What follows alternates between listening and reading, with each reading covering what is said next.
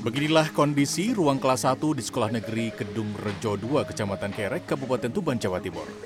Hanya ada kursi dan meja tanpa seorang pun siswa di dalamnya. Tahun ajaran baru 2023-2024, tak ada siswa baru yang mendaftar di sekolah naungan pemerintah ini. Buruknya sarana dan prasarana disinyalir menjadi penyebab sekolah kurang diminati. Sejumlah sarana dan prasarana seperti lantai dan dinding kelas terlihat rusak.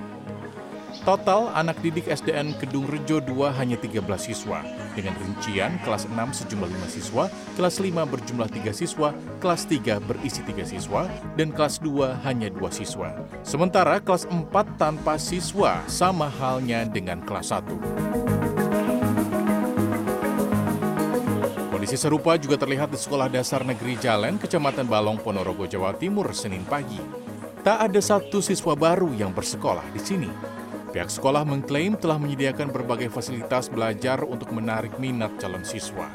Tak hanya itu, orang tua calon siswa juga diajak melakukan kunjungan ke sekolah sebelum pendaftaran. Pihak sekolah bahkan menggratiskan seragam sekolah, memberi tabungan untuk siswa, hingga memberikan uang transport sebesar Rp150.000 per bulan. Namun, usaha ini tidak membuahkan hasil.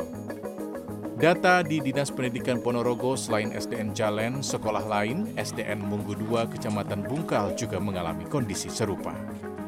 Tim Liputan CNN Indonesia.